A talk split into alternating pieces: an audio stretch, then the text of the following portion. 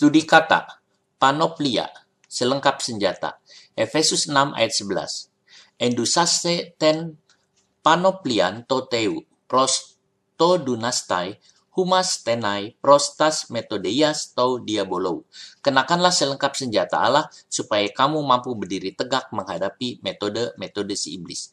Panoplia terdiri dari dua kata yaitu pas semua dan hoplon alat atau senjata sehingga artinya persenjataan yang lengkap. Para jurid Allah harus melindungi seluruh tubuhnya dari kepala sampai kaki dengan persenjataan yang lengkap. Ini satu set yang terdiri dari penutup kepala, penutup tubuh, dan penutup kaki. Ditambah lagi dengan pedang dan perisai. Untuk peperangan rohani kita perlu perlengkapan senjata Allah. Senjata kita tidak berarti, tetapi senjata Allah baru berkuasa Paulus mengatakan, kenakanlah endusaste dari kata en dan duo, memasukkan.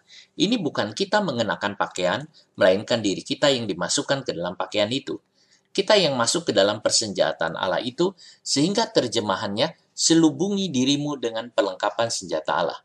Paulus berkata, pakai perlengkapan senjata Allah segera. Jika belum lengkap, segera lengkapi.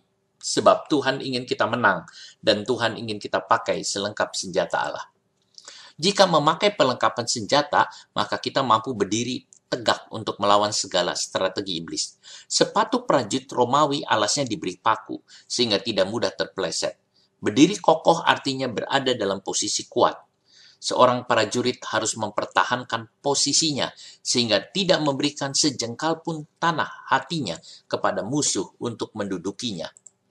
Iblis memiliki metode yas untuk mengalahkan manusia. Metode adalah cara yang sistematis. Tetapi Tuhan tahu siasatnya.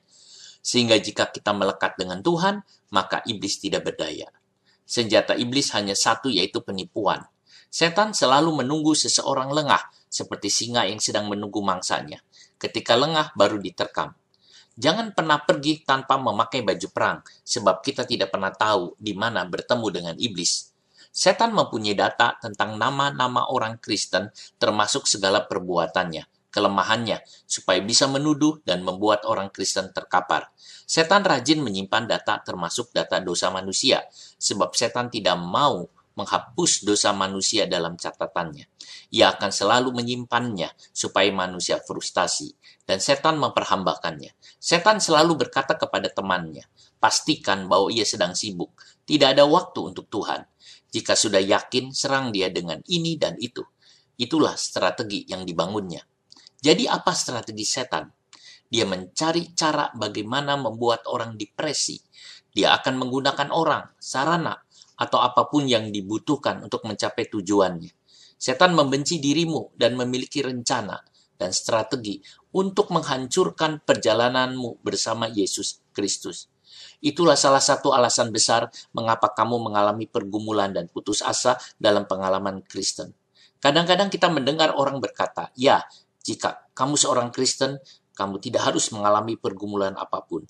Inilah dusta iblis, sebab iblis ingin orang lengah, lalu tahu-tahu hubungan dengan Tuhan hancur. Inilah strategi iblis. Warren Risby menulis bahwa bahaya terbesar di medan perang adalah bahwa kita tidak menganggap musuh dengan serius, dan karena itu mengabaikan untuk mengenakan perlengkapan senjata Allah. Jangan meremehkan metode iblis. Iblis memiliki berbagai macam strategi, keputusasaan, frustasi, kebingungan, kegagalan moral, dan kesalahan doktrin.